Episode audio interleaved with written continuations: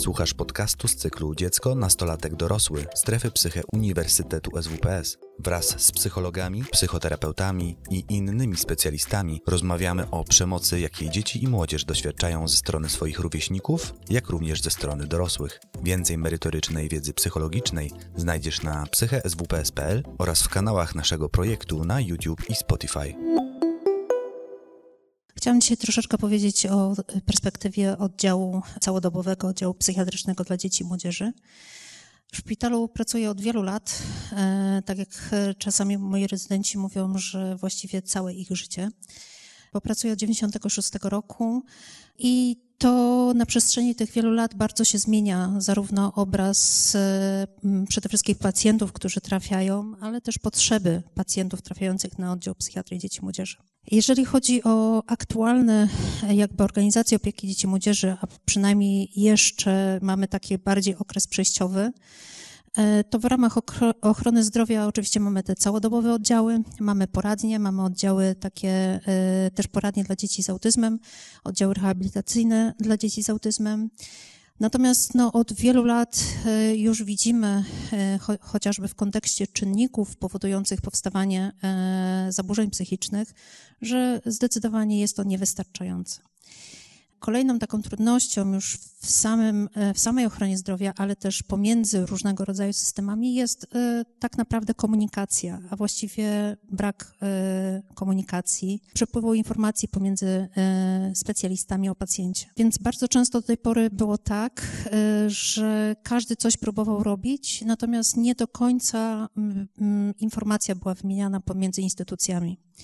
Czyli troszeczkę było tak, że opiekowaliśmy się jednym pacjentem, jedną rodziną, ale każdy miał troszeczkę pomysł na to, jak będzie pracował z tym pacjentem.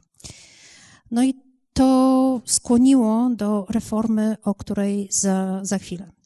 Mam jeszcze oczywiście pomoc w ramach e, systemu edukacji. E, tutaj też będzie się zmieniało, mam nadzieję, na, na lepsze. Czyli mamy psychologa, pedagoga szkolnego. Natomiast jak do tej pory e, wszyscy wiedzą, że są takie szkoły, gdzie nie ma psychologa albo pedagoga, szczególnie w miejsc, małych miejscowościach, albo są zatrudniony tylko na jakąś nieznaczną część etatu, albo jeden, albo drugi. Natomiast potrzeby są zdecydowanie większe i to też wygląda na to, że, że się zmieni. Są poradnie psychologiczno-pedagogiczne, e, które mają jakby w swojej ofercie pomoc pacjentowi taką terapeutyczną.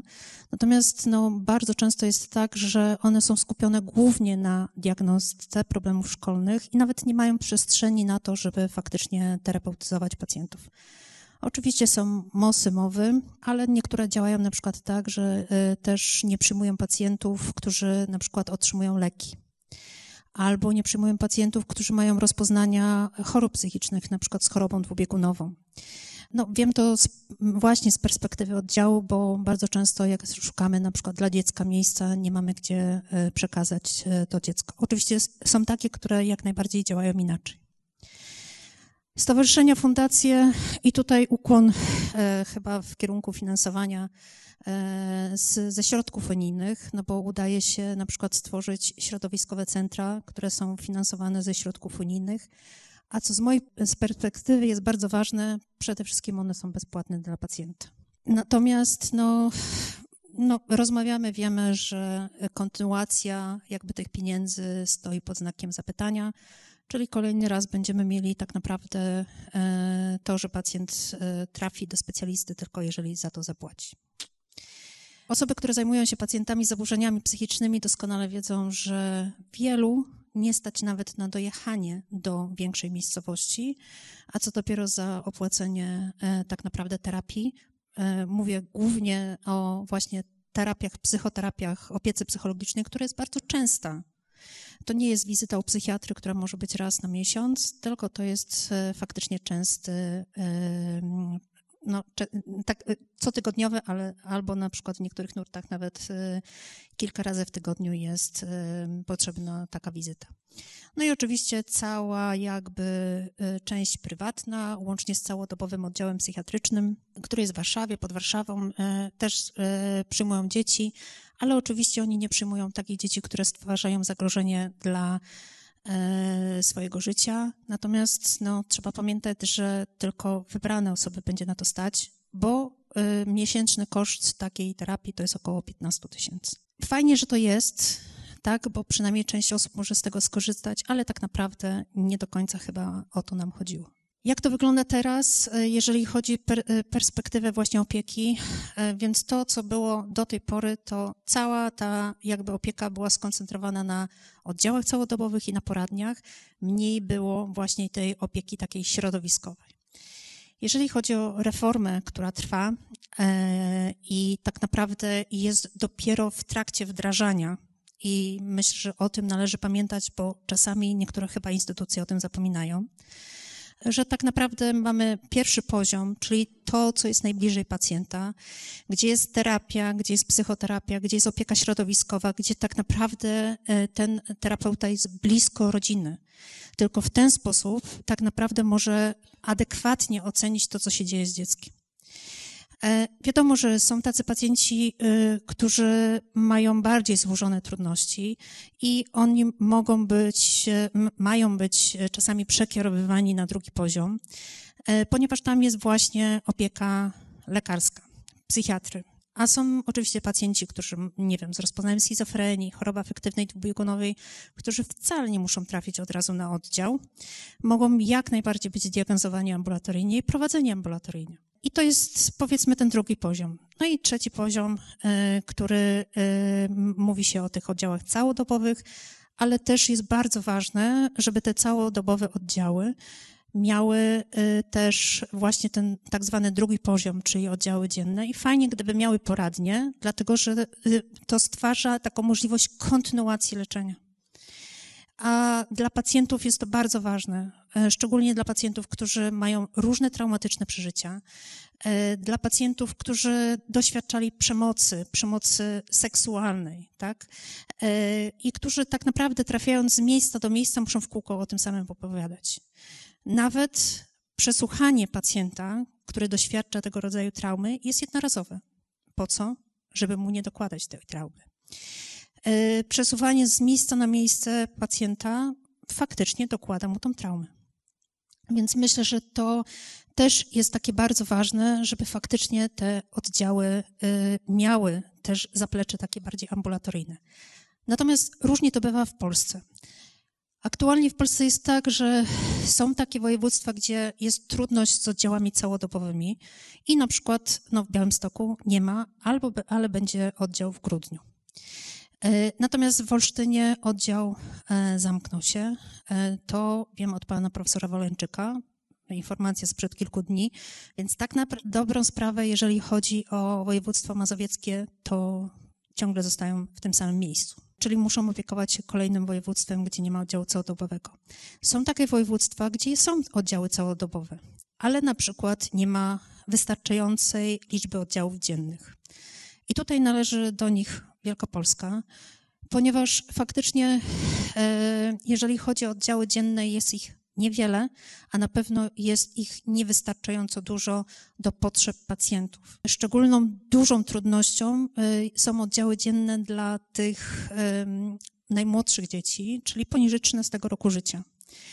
A e, to, że trafiają do nas dzieci po poważnych próbach samobójczych, czyli że ktoś skacze na przykład z czwartego piętra, jest połamany, później do nas trafia, że ktoś nadużywa insuliny, że w celach samobójczych, e, to są poważne próby samobójcze.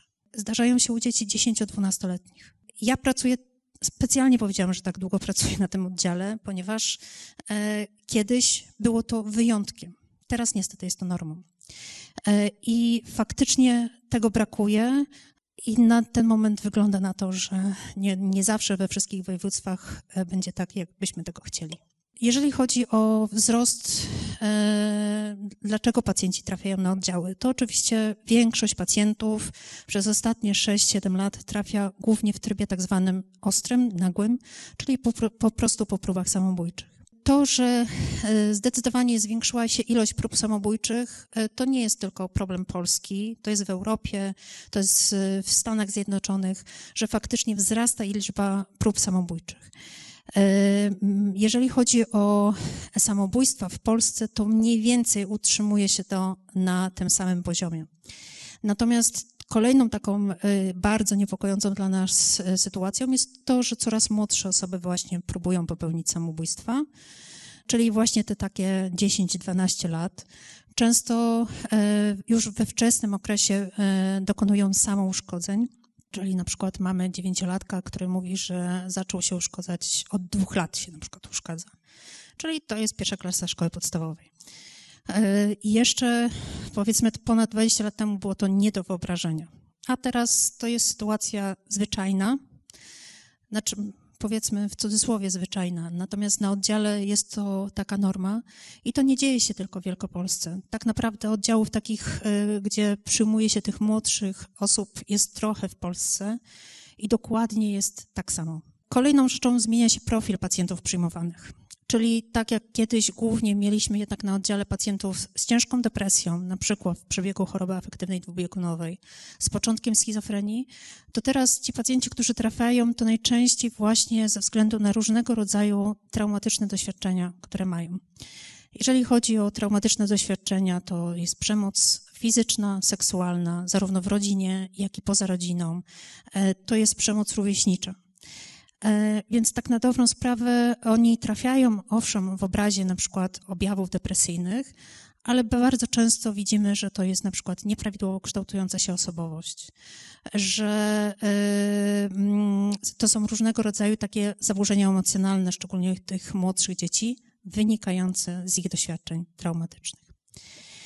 Natomiast e, to, co jest dla nas tragiczne, to faktycznie dramatycznie odnot, e, odnotowano dramatyczny wzrost prób samobójczych, lat, porównując lata 2020-2021. Liczba prób samobójczych według statystyk policyjnych wzrosła o 77%. Dominują dziewczynki, ale jest to faktycznie dla nas przerażające. I to są faktycznie momentami poważne próby samobójcze. To nie jest demonstracja. Czasami to jest, powiedzmy, zażycie kilku tabletek, ale ostatnio mieliśmy już właśnie dzieci, które wyskoczyły z czwartego piętra. Akurat ta osoba wyskoczyła z czwartego piętra, no i faktycznie doznała licznych obrażeń. Szczęśliwie przeżyła. To, co odnotowano e, w porównaniu z poprzednimi latami, bo tak mniej więcej jest śledzone od 2013 roku, znaczy wcześniej też były statystyki policyjne oczywiście, ale one się zmieniają, lata się zmieniają. I to, co odnotowano, że jednak e, w, porównując 2020-2021 wzrosła liczba samobójstw dokonanych. Tak jak mniej więcej to się utrzymywało na zbliżonym poziomie, to, to widać, że e, w tym e, ostatnim roku to wzrosło. E, nie jest to dramatyczny wzrost, natomiast dla mnie dramatyczny jest wzrost tych prób samobójczych. Czyli jak to ktoś określił ostatnio, mamy kolejny raz tsunami potrzeb, pytanie, czy my jesteśmy jako system do tego przygotowani, jako lekarze, terapeuci, nie wiem, psycholodzy, psychoterapeuci, nieważne. Wszystkie osoby, które tak naprawdę e, pracują z tym pacjentem. Na oddziale to też są pielęgniarki. To, co mówiłam, nie tylko czynniki biologiczne e, wpływają na to, co widzimy, bo wiadomo, że jeżeli e, myślimy o schizofrenii, chorobie afektywnej dwubiegunowej, to oczywiście te czynniki biologiczne jakby dominują w, e, w po powstawaniu tej choroby. Natomiast to nie, jest, to nie jest tak, że to jest tylko czynnik biologiczny i koniec.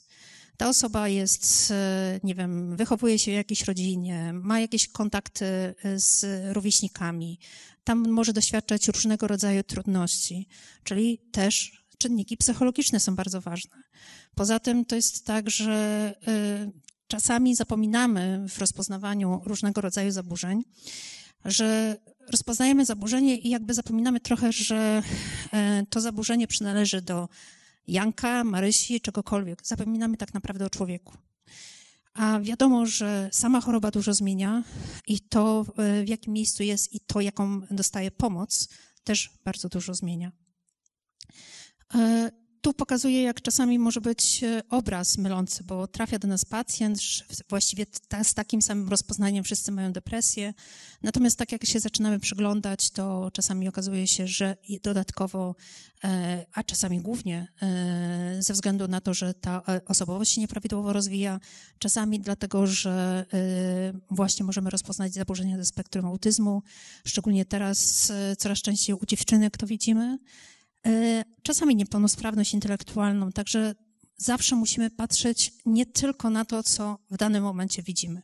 Pomijam całą tą kwestię medyczną, bo niekiedy się okazuje, że pacjent trafia z depresją, a później się okazuje, że tak naprawdę ma y, guza ośrodkowego układu nerwowego, także też się tak zdarzało, ale o tym to, to nie jest konferencja na ten temat.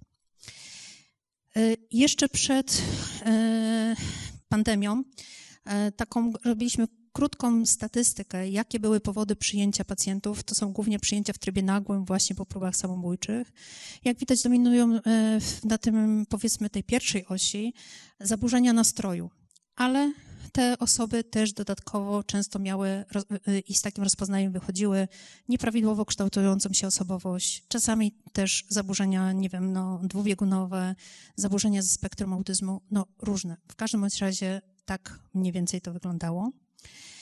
Natomiast e, też wtedy pytaliśmy, e, jakby jak e, zarówno pacjenci, jak i rodzice postrzegali problem. Więc głównym problemem to była trudne relacje rodzinne, różnego rodzaju przemoc, czasami fizyczna, ale przede wszystkim psychiczna przemoc w tych rodzinach, też zaniedbanie. Trudne relacje rówieśnicze, czyli hejt, taki bardzo ostatnio nie chcę powiedzieć, że popularny, ale niestety częsty. Problem alkoholowy w rodzinie, przemoc właśnie ta psychiczna. Też e, czasami zdarzało się molestowanie seksualne.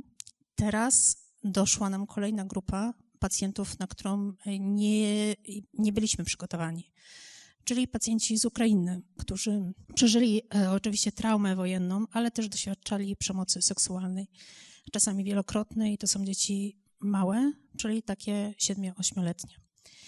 E, rodzina zastępcza oczywiście nie jako przyczyna, ale też się tam różne trudności w tej rodzinie działy. To, co widzieliśmy e, już przed pandemią, e, że zdecydowanie wzrosła ilość kontaktów z innymi instytucjami, czyli konieczności zgłaszania na policję, na do prokuratury, do sądu rodzinnego i jakby zaopiekowania się tym pacjentem co czasami skutkowało też tym, że pacjenci e, no, nie mogli wrócić do rodziny. Czyli na przykład pacjent z niepełnosprawnością intelektualną, e, trafiający do nas z powodu agresji, e, rodzina niestety nie była w stanie się nim opiekować. Było to zgłoszone do odpowiednich instytucji, ale cała procedura umierzenia dla niego miejsca, takiego, kto, ktoś by musiał się nim e, zapiekować, mógł się nim zapiekować, trwała rok. I on ten rok był na oddziale. Pytanie, no o koszty, tak? Czy na pewno to jest miejsce, gdzie e, powinno być to finansowane ze środków e, ochrony zdrowia? A po drugie, pytanie, na ile to, co jakby system, my robiliśmy w stosunku do niego, było adekwatne i tak naprawdę dodatkowo nie dokładało, nie było przemocowe w stosunku do niego. I tutaj właśnie jest takie moje pytanie, nie? na ile to, że czasami by jesteśmy e, w różnego rodzaju instytucjach, e, gdzie no, mamy trochę inne spojrzenie na e, potrzeby pacjentów i na tą opiekę dla pacjenta. I jakby brak zmian i perspektywy zmian nie powoduje, że jakby dokładamy się do tej przemocy, którą dzieci doświadczają. Kolejną taką oczywiście trudnością, którą już pewnie Państwo wielokrotnie słyszeli w mediach, to jest, że wszystkie oddziały całodobowe są przepełnione.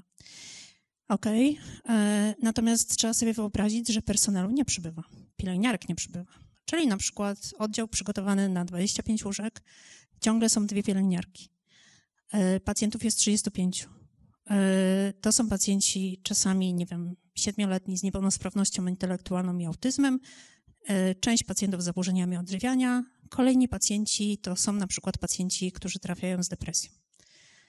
I czasami jedynym pomieszczeniem mm, takim, gdzie możemy położyć pacjenta, bo już nie zmieszczą się w pokojach, jest korytarz. No, można sobie pomyśleć w tym momencie, jeżeli dziecko na przykład trafia po próbie ciężkiej samobójczej i trafia na korytarz, czy to jest przemoc? To tak myślę, że raczej tak. Kto ponosi za to odpowiedzialność? Nowy system, ale tak naprawdę kto ponosi? My. Mamy na to wpływ? umiarkowany. I właśnie to jest taka ogromna nasza trudność, bo z jednej strony jest tak, że wiemy doskonale, że no, chcemy zapewnić opiekę tym dzieciom, ale, e, no, ale jeżeli kolejny raz, powiedzmy, jeżeli to by był rok, ale jeżeli to jest już siódmy rok z kolei, słyszę na przykład w ostatniej sytuacji mieliśmy pacjenta rosyjskojęzycznego na e, korytarzu obok toalety, szczęśliwie na, na łóżku. E, i faktycznie e, była trudność z jego zachowaniem. E, I no, fajnie, bo mamy też, zdarza się, że mamy też pomoc rosyjskojęzyczną, czy mamy lekarza, który też mówi po rosyjsku i, i jedną panią pielęgniarkę, która mówi po ukraińsku, po rosyjsku. No i lekarz do niego mówi, ale powiedz mi, gdzie jest twój pokój? Zaprowadź mnie do swojego pokoju. A ja mówię, ale to jest jego pokój. No i to jest właśnie taka trudność, którą myślę, że osoby, które nie pracują na oddziale całodobowym, nie są w stanie tego zrozumieć, jakie to jest dla nas też trudne. E, jeżeli faktycznie jest tak, że e, różnego rodzaju procedury, typu, nie wiem, podawanie, e, podawanie pływu, płynów infuzyjnych, czasami potrzeba unieruchomienia pacjenta, bo na przykład pacjent z zaburzeniami świadomości albo pacjent jest bardzo pobudzony, otoczony jest tylko parawanami, bo staramy się zrobić wszystko, żeby faktycznie było to jak naj, dla niego najbardziej intymne. To, to nie jest fajne unieruchomienie pacjenta. Ja zawsze, jak mam zajęcia ze studentami, to um, proszę, żeby ktoś się zgodził na to, żeby go unieruchomić. Tak, żeby właśnie zobaczyć, jak to jest. Mogą sobie Państwo wyobrazić, jakie to jest trudne dla małego pacjenta, jak jest mnóstwo osób naokoło, i tak naprawdę nie ma się żadnej możliwości poruszania się. I jeszcze się jest na korytarzu. Dla mnie, pracującej tyle lat na oddziale, jest to strasznie trudne. I dla mojego całego personelu również, łącznie z salowymi. Jeżeli chodzi o okres pandemii, e, to wzrosło zdecydowanie to, co widzimy, wzrosło e, przyjmowanie osób z zaburzeniami nastroju, e, z zaburzeniami adaptacyjnymi, lękowymi mniej ale też pacjentów z, z, niepełnosprawnością intelektualną i autyzmem i to zarówno ze względu na właśnie tę um, izolację, brak szkoły i to, że nie, nie, nie mieli takiego schematu chodzenia do szkoły, ale czasami też się zdarzały powikłania po, y, najzwyczajniej po covid że faktycznie widzieliśmy zmianę w zachowaniu pacjenta i y, częściej trafiali do nas, Drugą taką też, drugą pewnie jest jeszcze więcej przyczyn, natomiast y, ważne było też to, że y, to była trudność też dla dorosłych, ta izolacja. Wojna jest kolejną trudnością dla dorosłych. Czasami jest tak, że widzimy, że przyjmujemy dziecko, ale tak naprawdę pomoc jest potrzebna też rodzicowi. I to taka pomoc na przykład już z koniecznością włączenia farmakoterapii. E, I to na pewno e, tych pacjentów widzimy więcej. Kolejną taką grupą, e, która też więcej jest teraz na oddziale, to są pacjenci z zaburzeniami odżywiania, którzy niestety trafiają, no teraz szczęśliwie jest szybciej, ale jeżeli chodzi o okres pandemii, trafiali już z, ze znacznie niższą masą ciała niż to było przed pandemią. Także to jest kolejna grupa właśnie trafiająca na oddział. I czasami jest tak, że no, te statystyki mówiące o zgonach pacjentów e, e, z zaburzeniami odżywiania no nie, nie, biorą się z powietrza. E, faktycznie jest tak, że czasami są powikłania somatyczne, czyli trafiali do nas pacjenci na przykład z ryzykiem tamponady serca. Dlatego, że faktycznie jest tak, że zbyt długo był ten czas pobytu w domu nieleczonej, na przykład anoreksji. Gdzie jesteśmy? Reforma y, jest dla nas taką nadzieją. Jesteśmy w okresie przejściowym i wiadomo, że no ona nie ma prawa działać, pomimo tego, że no część instytucji mówi o tym, że działa świetnie, na przykład pierwszy poziom, drugie poziomy nie wszędzie w, w kraju są, e, że tak powiem, możliwe do jakby zakontraktowania. E, nawet trzecich poziomów nie wszędzie są, nie, nie ma wszędzie całodobowych oddziałów, to już pomijam. Ale to jest faktycznie taka nadzieja, tak, że jeżeli to będzie w przyszłości, to zacznie to działać y, inaczej.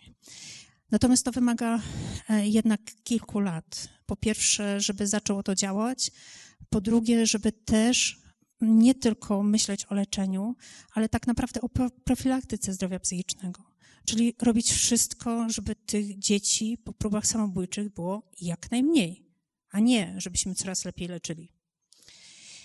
Kolejna, e, kolejna taka ważna kwestia to są to, co się dzieje centralnie, czyli na przykład na poziomie ministerstwa, centralnie NFZ-u, a co czasami się dzieje lokalnie.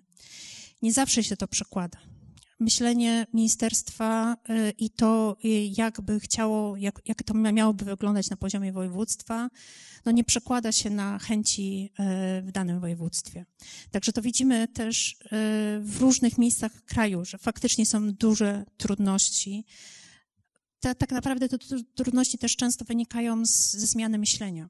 E, do tej pory wydawało się niektórym, że jak się pójdzie do szpitala, no to dziecko zostaje tak, to jest e, serwis samochodowy, wymienione są różnego rodzaju części, wychodzi, jest git. E, no to, to nie o to chodzi, tak na pewno nie ma. E, I, e, no i chcemy od tego e, odejść, od takiego myślenia. Natomiast myślę, że nam jest trochę łatwiej specjalistom od tego odejść. Natomiast na pewno osobom, które nie zajmują się zaburzeniami psychicznymi, zdecydowanie trudniej jest od tego odejść. Kolejne pracownicy, lekarze, psycholodzy, psychoterapeuci, no niestety nas nie przybywa w trybie takim błyskawicznym. To jest tak, że lekarzy, szczęśliwie coraz więcej osób młodych decyduje się na specjalizację z psychiatrii dzieci i młodzieży, no ale specjalizacja trwa 5 lat. To nie jest tak, że wszyscy mogą od razu pracować. Inaczej jest oczywiście z osobami, które na przykład robią specjalizację po psychiatrii dorosłych. To są kompletnie jakby inne osoby, na innym, e, jakby innym etapie e, zawodowym. Natomiast młode osoby nie są w stanie po prostu na początku pracować samodzielnie, zresztą nawet według przepisów nie mogą to, że jest taki nadmiar pacjentów, szczególnie na oddziale całodobowym, oczywiście prowadzi do wielu frustracji. Bardzo dużego napięcia między personelem e, i takiego właściwie stałego przerzucania odpowiedzialności. Właściwie to nie ja, to ty, to ty. Taki ping-pong, tak? Czyli generalnie wszyscy są, e, próbują e, powiedzieć, to nie ja. Ja niczego nie zrobiłem, ja generalnie wszystko zrobiłem, ale tak naprawdę i tak w efekcie te osoby, które pracują na oddziałach całodobowych e, i pacjenci, i ich rodziny zostają z tym sami i muszą kombinować. Ale czasami jest tak, że to, co mówiłam, ta zmiana myślenia, też wymaga e, no, takiego zmian myślenia urzędników, bo czasami jest tak, że są takie osoby, które są zaangażowane Tutaj dziękuję mojemu zespołowi, bo jak to zawsze mówimy, że jesteśmy trochę nienormalni. Czasami już na, czasami faktycznie mamy wrażenie, że jesteśmy e, trochę masochistami. Ale jeżeli próbujemy coś zrobić, to czasami słyszymy, że budujemy swoje imperium, albo e, na mieście mówią, że na przykład ty i ty zrobiłaś to, ty i ty utrudniasz powstanie tego i tak dalej, i tak dalej. No pytanie, jak długo można to wytrzymać, nie? E, to, co najważniejsze, pomimo tego, że gdzieś tam wiele instytucji mówi o tym, że pacjent jest dla nich naj, najważniejszy. No, pewnie e, w tabelkach się mieści, natomiast tak naprawdę to my zostajemy z tym tsunami potrzeb, e, z tym, że nie mamy czasami gdzie pacjenta przekierować, z tym, że sądy nie mają możliwości na przykład powołania żadnego psychiatry dzieci i młodzieży do tego, żeby na przykład wydał jakąś opinię, że nie ma e, placówek takich terapeutycznych dla pacjentów. Wiem, co mówię, bo mieliśmy pacjenta dziesięcioletniego, którego próbowaliśmy po złożonych traumach, którego próbowaliśmy faktycznie umieścić w placówce takiej, która by była dla niego bardziej adekwatna niż oddział psychiatryczny. Nie mogliśmy znaleźć w Polsce jak znaleźliśmy kilka w Polsce, no to wszystkie oczywiście były przepełnione. I e, generalnie zostajemy ciągle na tym samym poziomie, czyli mamy na przykład e, oddział 20-łóżkowy i 46 pacjentów. Kolejną taką, myślę, że trudnością, że często no, nie potrafimy ze sobą rozmawiać. A przede wszystkim nie potrafimy rozmawiać ze sobą z szacunkiem. I to dotyczy różnych jakby poziomów, tak? E, łącznie z tym, że specjaliści też nie potrafią rozmawiać ze sobą z szacunkiem. Wiem, o czym mówię. I dlatego uważam, że na ten moment faktycznie system jest niewydolny, opieka całodobowa nie jest wydolna. Nie tak byśmy chcieli, żeby to wyglądało. Oddziały całodobowe powinny być wyłącznie dla pacjentów wyjątkowych. Tak? Czyli czasami to są pacjenci na przykład y, z ostrą psychozą, którzy nie mogą być leczeni ambulatoryjnie.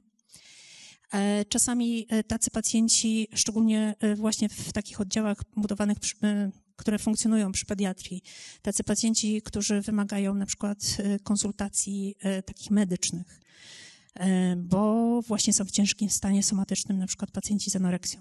Oni nie mogą być hospitalizowani na oddziałach ogólnopsychiatrycznych w dużych szpitalach. I dostałam zgodę swojego zespołu na sam koniec, żeby poinformować Państwa, że niestety, ale mm, trudno. W dniu dzisiejszym mój zespół, wszyscy specjaliści łącznie ze mną złożyliśmy wypowiedzenie. Dziękuję za uwagę.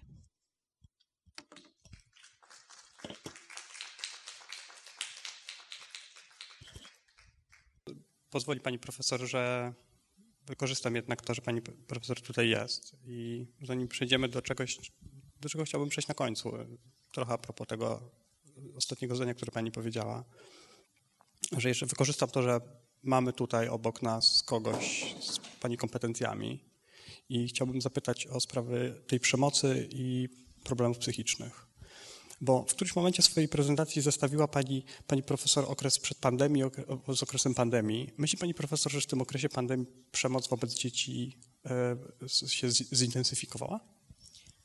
Znaczy tak, e, jak najbardziej e, tak, to widzieliśmy szczególnie w tych okresach, powiedzmy pandemię można podzielić na takie okresy, kiedy faktycznie była większa izolacja, mniejsza izolacja, E, I faktycznie e, na pewno tak, e, że w tych początkowych etapach widzieliśmy, że mm, też policjanci zgłaszali, że bardzo było dużo interwencji właśnie takiej przemocy doświadczanej przez dzieci ze strony rodziców. To oczywiście też wiązało się z tym, że sami rodzice byli w bardzo dużym napięciu, niepokoju, tak naprawdę nie wiedzieli, co dalej będzie. E, w stosunku do dzieci właśnie z niepełnosprawnościami intelektualnymi, które nie miały tego jakby tej organizacji. E, też rodzicom było trudno bardzo i faktycznie widzieliśmy większą taką przemoc w stosunku e, do, do dzieci. Natomiast w tym drugim okresie to tak naprawdę to nie chodziło tylko o przemoc ze strony rodziny, rodziców, E, ale też e, taką przemoc e, ze strony innych dorosłych, czasami w szkole, rówieśnicy. Generalnie w ogóle obserwujemy zdecydowany wzrost napięcia wśród dorosłych, agresji wśród dorosłych, no i oczywiście doświadczają tego dzieci. Chciałbym teraz zadać takie pytanie akademickie może. Czy może pani profesor powiedzieć, jaki jest mechanizm tego przeskoku między doświadczeniem przemocy w domu a problemami psychicznymi, jakie, e, z jakimi później ma do czynienia dziecko. Czyli jaki jest ten mechanizm, e, z którym rodzic sprawia, podejmuje jakieś zachowania, e, podejmuje przemocowe zachowania, a kończy się to depresją, zaburzeniami osobowości. Co za to odpowiada? Znaczy, ja myślę, że to jest faktycznie takie mm, akademickie, ale bardziej złożone, dlatego że wiadomo, że u części tych pacjentów e, widzimy na przykład e, taki nie, mm, nietypowy rozwój, czyli rozwój spektrum autyzmu. Czasami jest tak, że to, co jakby potrzeby dziecka i um, umiejętności rodzica, e, no, całkowicie się jakby rozmijają. Czyli od samego początku widzimy trudności chociażby w budowaniu więzi, Natomiast y, u, y, u, niektórych rodziców też widzimy to, że oni sami doświadczali przemocy. Też mają bardzo duże trudności ze zbudowaniem takiej bliskiej relacji, bliskiej więzi z dzieckiem. E, I faktycznie później to się przekłada na to, jak samo dziecko jakby mm, funkcjonuje, ale też jak odbiera rzeczywistość. Bo często jest tak, że ono jest bardziej podatne na różne czynniki traumatyczne, które są gdzieś w, w otoczeniu. E, także myślę, że to jest takie bardzo złożone. I oczywiście też jest to niewątpliwie, co też się pod, mówi o tym, że coraz oczywiście częściej są ratowane dzieci, na przykład wcześniaki. Wiadomo, że w niektórych przypadkach one mogą być biologicznie bardziej wrażliwe, mniej odporne na sytuacje takie zewnętrzne i faktycznie one też częściej jakby są narażone na powstawanie różnego rodzaju zaburzeń psychicznych. A czy w związku z tym e, obserwuje się na przykład spadek średniego wieku pacjentów e, psychiatrycznych albo pacjentów przebywających na oddziale w porównaniu do nie wiem, sytuacji przed 10, 20 czy, czy więcej lat? No, zdecydowanie tak. Zdecydowanie tak. E, między innymi chociażby e, to, że e, no, dwa lata temu był taka, była taka potrzeba, żeby zwiększyć ilość miejsc całodobowych dla pacjentów, głównie z tego względu, że był, byli, bardzo dużo było dzieci do, do 15 roku życia.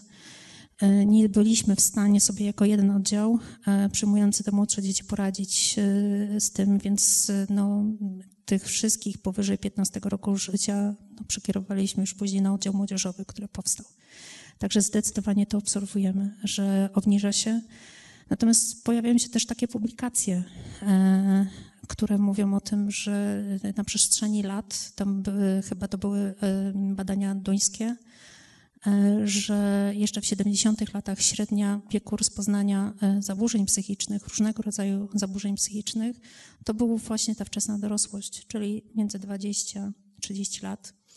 Natomiast teraz e, zdecydowanie najwięcej jest przed 18 rokiem życia. Jest taki bardzo ładny pik rozpoznań i to są ostatnie lata. Ale jesteśmy, czyli jesteśmy coraz lepsi w diagnozie, E, ale jednocześnie rozumiem, że przypuszczacie Państwo, że też, e, e, że nie tylko coraz lepiej diagnozujemy, czyli jesteśmy coraz bardziej uwrażliwieni, ale też, że coraz więcej po prostu tych zaburzeń występuje w populacji. No tak, chociażby to, jak widzimy, jak to wygląda w populacji, że coraz więcej dzieci decyduje się chociażby na odebranie sobie życia. Zdecydowanie nie wynika to ze zdrowia psychicznego. Jedna z e, uczestniczek, pani Dorota, pyta, z jakimi traumatycznymi doświadczeniami najczęściej zmagają się dzieci i młodzież, które trafiają na pani oddział? Trudne pytanie.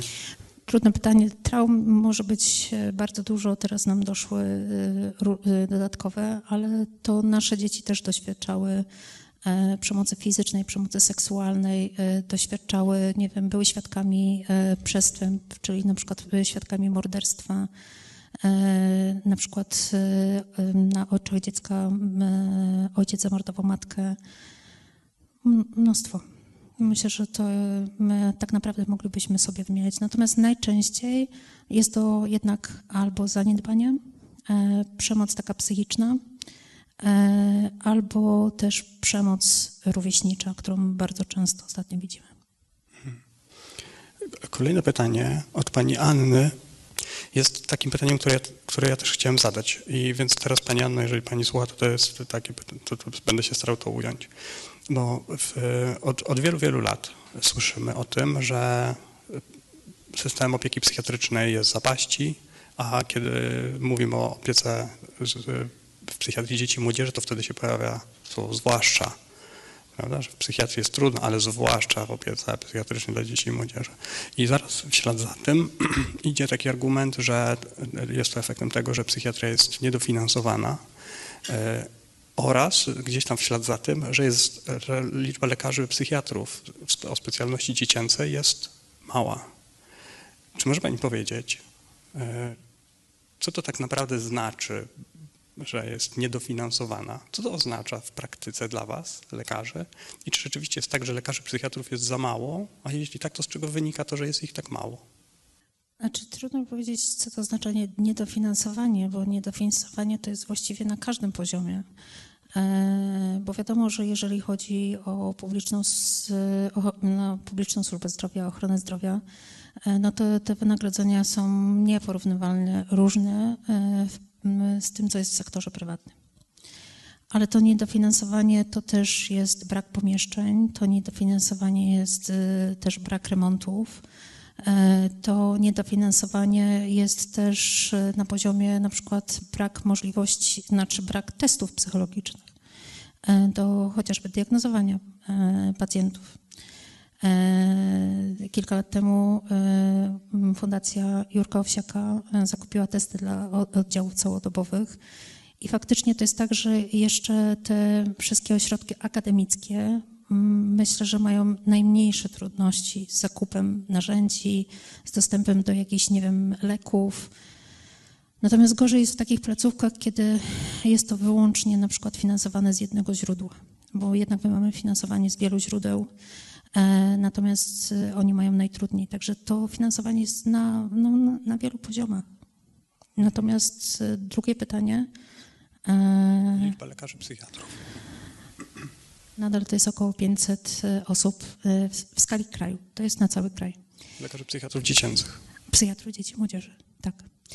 E, natomiast myślę, że to wynikało po pierwsze z tego, że no, historia psychiatrii dzieci i młodzieży była różna, czyli były takie momenty, że to była priorytetowa, później można było ją robić po psychiatrii dorosłych i później znowu od podstaw. I to faktycznie gdzieś tam utrudniało robienie specjalizacji. Znaczy, wielu psychiatrów dorosłych, jak już zrobiło jedną specjalizację i pracowało, to już nie miało energii na to, żeby robić jeszcze psychiatrię dzieci młodzieży. Y, system kształcenia, czyli wielu na przykład studentów mówiło, że nie, no oni nie wiedzieli nawet, że psychiatrię dzieci młodzieży można robić jako taką główną specjalizację. A poza tym to jest tak, że specjalizacja psychiatrii, psychiatrii dzieci młodzieży jest zdecydowanie trudniejsza niż specjalizacja tylko wyłącznie z psychiatrii, ponieważ no wiadomo, że w pakiecie dostajemy y, nie tylko samego pacjenta, ale tak naprawdę kilka systemów, w których pacjent funkcjonuje. I faktycznie jest zdecydowanie bardziej czasochłonna, bardziej obciążająca i bywa tak, że czasami nasze oddziaływania są skazane na, na niepowodzenie głównie ze względu na system, który otacza pacjenta. A widzi Pani Profesor w takim razie jakąś drogę do tego, żeby zwiększyć, żeby liczba lekarzy psychiatrów dziecięcych się zwiększyła? Rozumiem, że to jest system edukacji, tak? Trzeba by w jakiś sposób zmodyfikować. Znaczy to się dzieje, że faktycznie jest tak, że e, już od kilku lat o tym rozmawiamy, więc na wszystkich e, uczelniach no, nie, nie ma tak dużo klinik psychiatrii dzieci i młodzieży w Polsce, bo jest nas chyba sześcioro. To na wszystkich uczelniach jakby to kształcenie się trochę zmieniło, więcej mówimy o psychiatrii dzieci młodzieży, także studenci doskonale już wiedzą, że jest coś takiego jak psychiatria dzieci młodzieży.